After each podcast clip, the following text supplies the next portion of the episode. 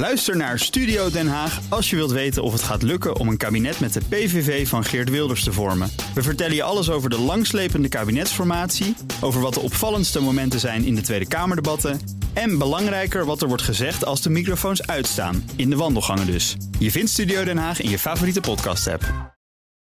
Dit is een podcast van BNR Nieuwsradio.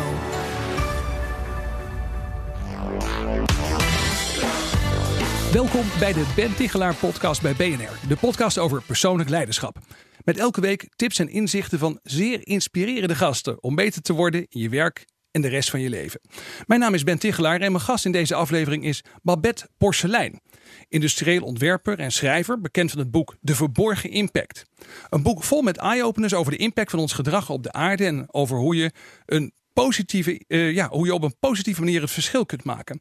Ik ben even benieuwd, uh, Babette, hoeveel, hoeveel exemplaren zijn er eigenlijk verkocht tot nu toe van de verborgen impact? Ja, ik geloof iets van 14.000 of zo. Wauw, dat zijn veel. En ik las ook ja. dat het boek inmiddels in Frankrijk is verschenen. Ja, precies. Ja, ja. Hoe, hoe heet het daar eigenlijk?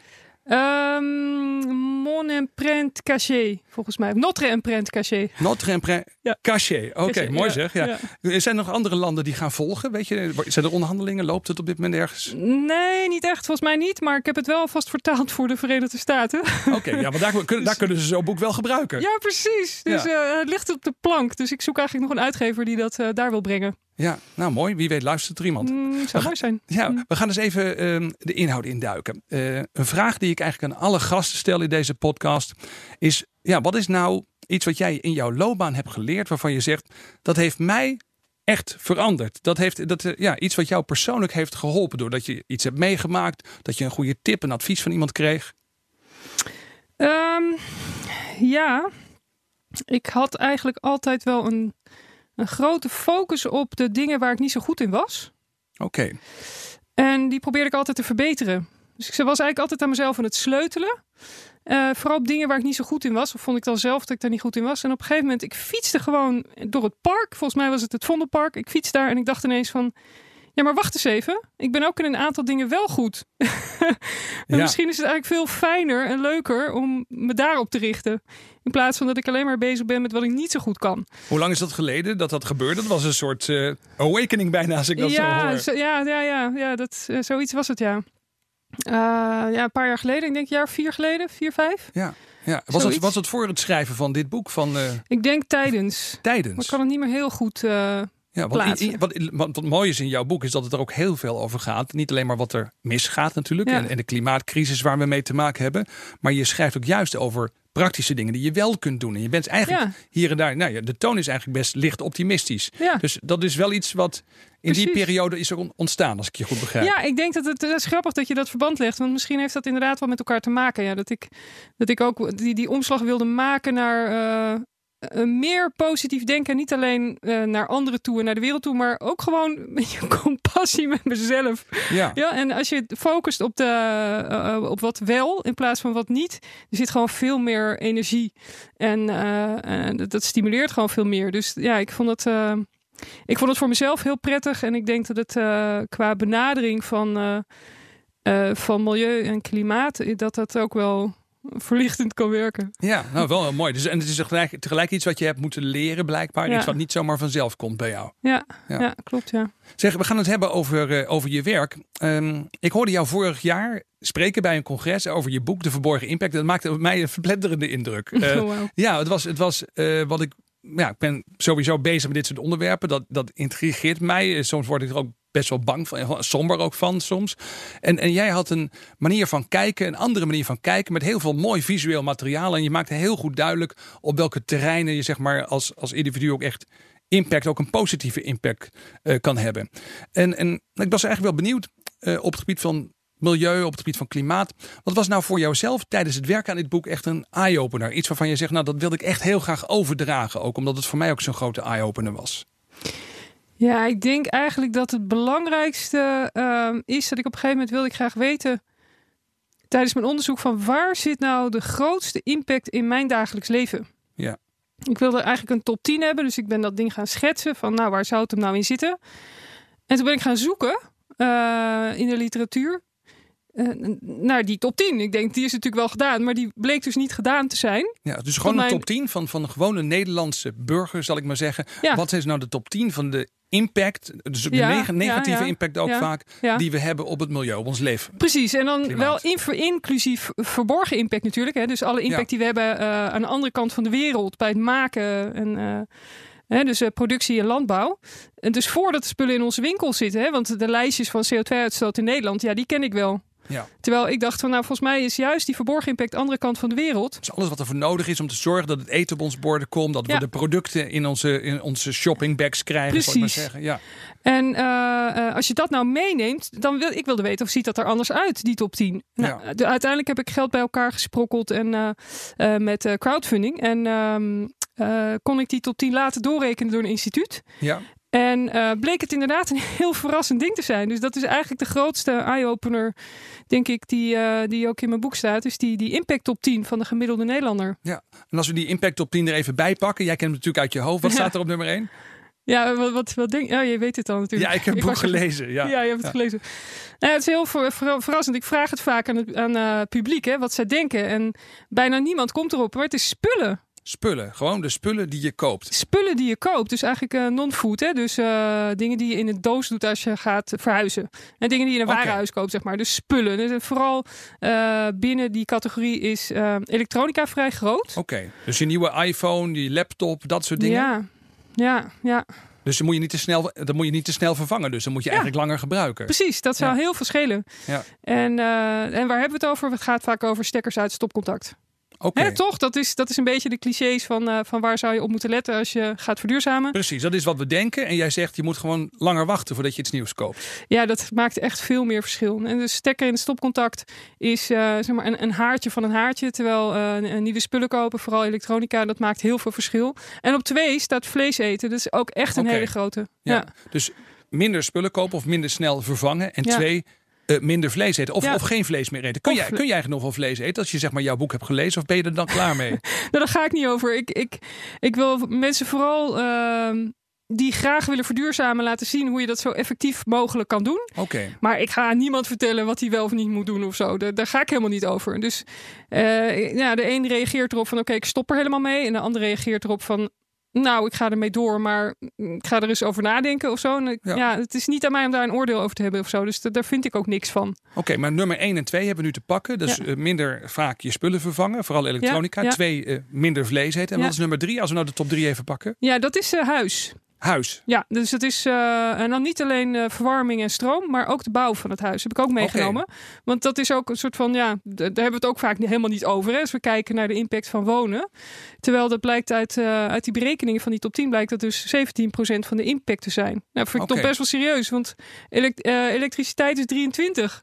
Oké. Dus het is niet eens zoveel meer. Ik denk, nou oké, dus nieuwe huizen bouwen en, en, eh, en ook verbouwing. Hè? Dus eventjes een leuke nieuwe keuken, nieuwe badkamer of zo. Ja. Ja, er zit serieus impact in. Oké, en waar, waar zit die impact dan in? Dan kun je me dat eens uitleggen. Wat, wat... Van de bouw? Ja. Ja, dat gaat vooral over eh, materialen. Dus een mijnbouw voor bijvoorbeeld eh, ijzer, staal en zo. Oké. ja. Aluminium is heftig. Eh, beton is heftig. Eh, weet je, dus dat zijn echt die, die grote bulkmaterialen die, eh, die veel worden gebruikt in de bouw. Oké, helder, Ja. helder. Ja. Zeg, en het interessante is dus natuurlijk, als ik aan mensen in mijn omgeving vraag, joh, luister eens, op wat voor manier ben je bezig met duurzaamheid? Dan hoor je vaak dezelfde geluiden terug. En mensen, nou, ik over zonnepanelen, of koop misschien nu binnenkort een elektrische auto. Of, ja, of, of mensen zeggen, ik, ik douche nu wat korter. Ja. Maar die staan allemaal niet in deze top drie. Ja. Ja, dat is. Ja, dus ik. Wat ik denk ik hoop te bereiken is dat ik laat zien dat je dashboard met knoppen om aan te draaien eigenlijk groter is dan je dacht. Ja. Dus je hebt gewoon meer opties om te verduurzamen. Oké, en je impact kan ook best groter zijn, ook positief groter zijn, zeg maar, dan, dan we misschien denken. Als je aan de slag gaat met verduurzamen en zeker als je, hè, dat, noem ik ecopositief, als je bijdraagt aan verduurzaming van iets groters dan alleen jezelf. Ja. Hè, bijvoorbeeld eh, je vrienden of familie kan inspireren om ook minder vlees te gaan eten, ik zeg maar wat. Of, eh, of dat je in je werk aan de slag gaat met verduurzamen van je bedrijfsvoering. Of, of zelfs de, de, de ketenprocessen die daar.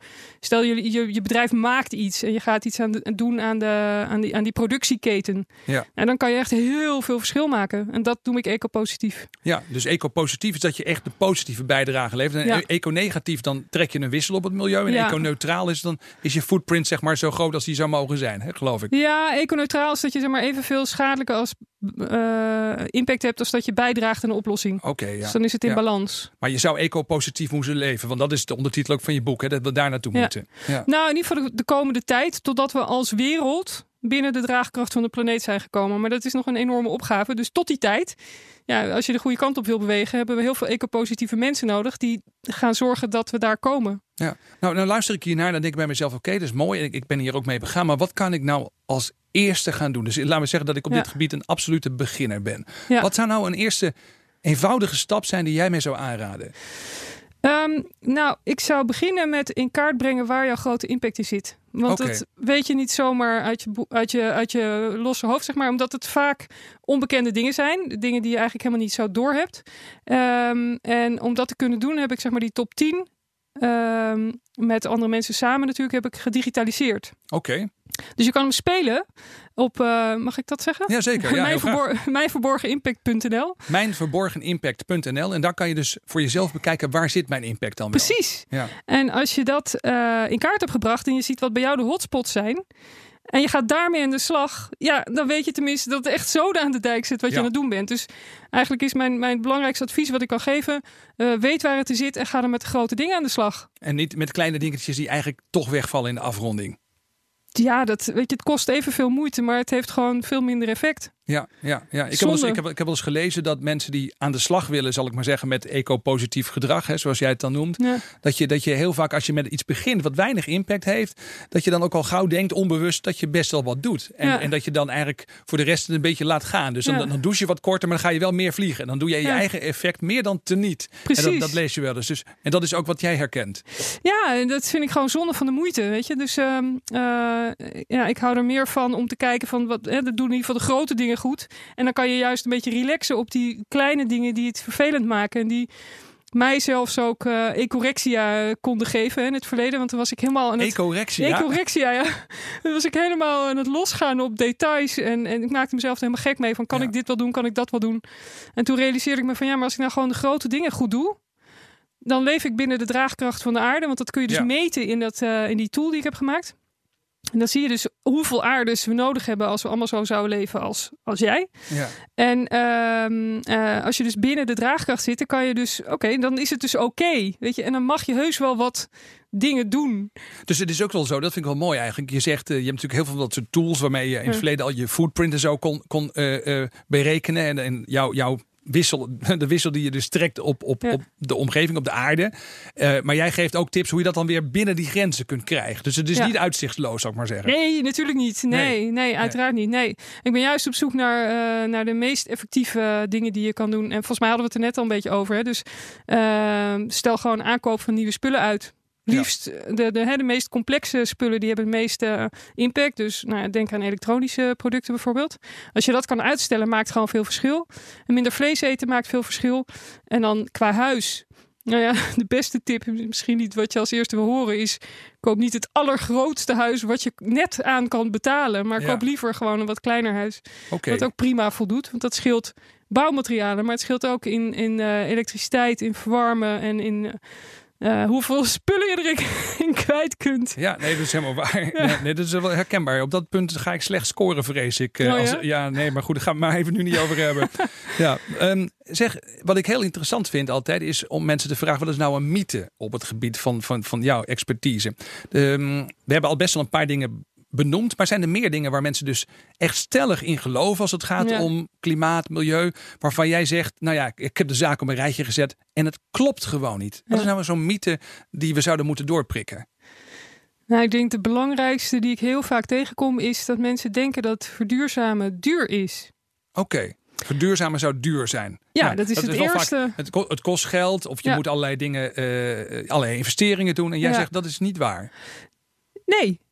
Ehm, nou ja, goed, je kan, hè, wat jij zei, je kan natuurlijk uh, als je een elektrische auto koopt en, en, en zonnepanelen en een warmtepomp en zo, dat zijn natuurlijk de dingen waar je, hè, de clichés waar we als eerste aan denken. Ja. ja. die kosten een hoop geld, maar als je echt eh, gaat verduurzamen, dan, dan ga je juist een hele hoop dingen niet kopen. Ja, precies. Of, ja. uh, of uitstellen. Of later. Of, ja. of later, of tweedehands, of, of juist minder.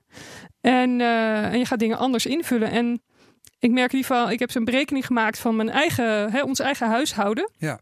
En wij verdienen boven modaal, maar we geven geld uit en we besparen echt niet op. Weet je, we doen niet per se zuinig of zo, maar we leven 300 euro onder modaal. Ja. En, uh, dan hou je over. Dus we houden gewoon geld over om de dingen te doen die we tof vinden en belangrijk vinden. En weet je, ik kan, ik kan mezelf gewoon een half jaar vrijmaken om een boek te schrijven, omdat ik niet helemaal tot, tot, uh, uh, tot, tot, de laatste tot de euro, ja, tot de grenzen zit van wat ik van wat ik net op kan brengen, bijvoorbeeld aan een heel groot huis.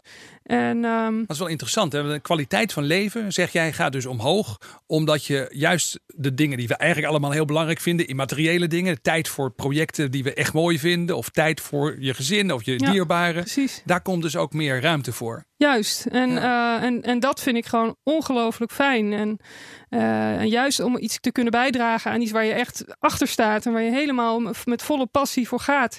Ja, dit, volgens mij is dat een beetje het hoogst haalbare ja. wat je kan, uh, kan hebben. Natuurlijk samen soort, met een mooi ja, gezin. Een soort onverwacht neveneffect. Hè? Ja. mooi zeg. Zeg, um, ik heb um, uh, gelezen dat je werkt aan een nieuw boek. Dat gaat over gunstige toekomstscenario's.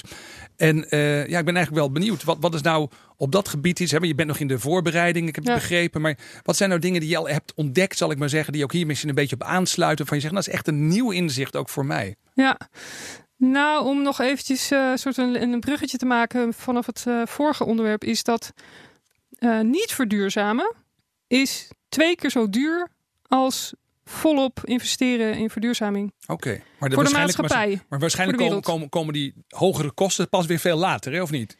Ja, die komen later, maar uiteindelijk um, uh, komen die dus dubbel en dwars terug. Ja. En uh, dat is wereldwijd, dus dat betekent eigenlijk dat we zo... En dat is schade dat Ja. is niet een investering, iets wat je kwijt bent om aan uh, in iets op te bouwen. Dat is afbraak van geld. Dus dat Ja. is gewoon, Gewoon verlies. repa- reparatiegeld. Zou ja, of zelfs gewoon verlies. Hè? Of dus, gewoon verlies. Hè, door, Ja. door bijvoorbeeld uh, uh, landbouwgrond die niet meer te bewerken is.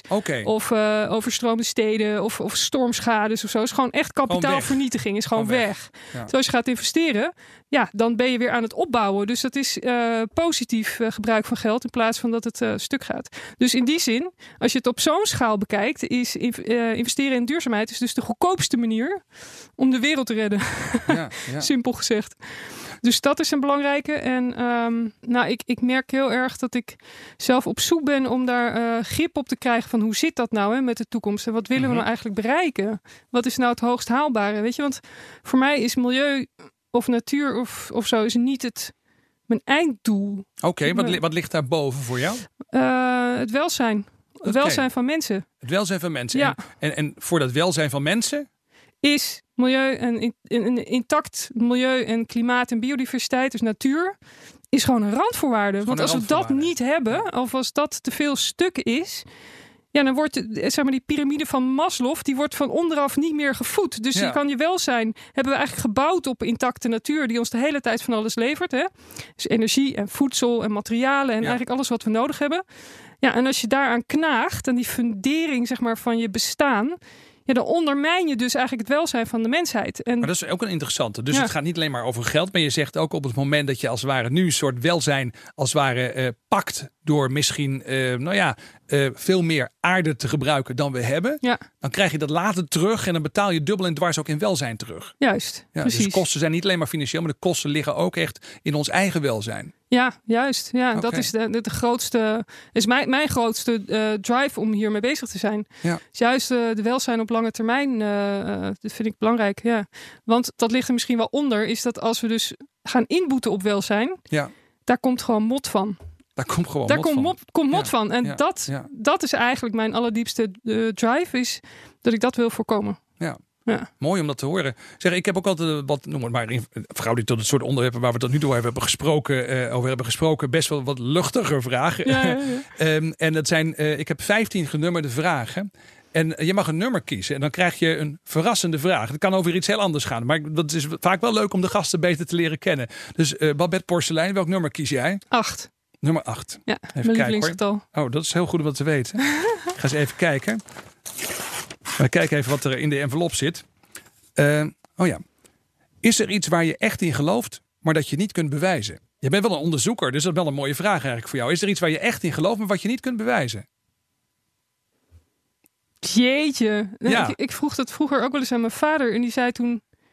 Ik geloof niet. Ik weet iets of ik weet het niet. Oké. Okay. Dat vond ik eigenlijk altijd een heel mooi antwoord. Maar een aardig binaire opvoeding. Ja, ja. ja. Maar dat gaat er dus over van, van als je iets niet weet. Ja. Denk dat iets zo is, dan ga je het onderzoeken en dan, ga je, kijken of het klopt. Ja. In plaats van dat je het maar aanneemt of zo. Dus dat is wel mijn grondhouding. Maar misschien is inderdaad uiteindelijk, waar we het net over hadden, dat welzijn voor de mensheid dat is denk ik een, een soort axioma van mij. Van dat dat inderdaad het hoogst haalbare is. Want het zou ook nog zomaar kunnen zijn dat, dat, dat er mensen zijn die dat dus helemaal niet vinden. Ja. Die dat helemaal niet zo belangrijk vinden. Waarom vind ik dat belangrijk? Ja, dat, dat is dus denk ik een, een soort van dat is toch aanname. Een basis ook onder je denken en onder je drive. Ja, interessant. Ja, ja.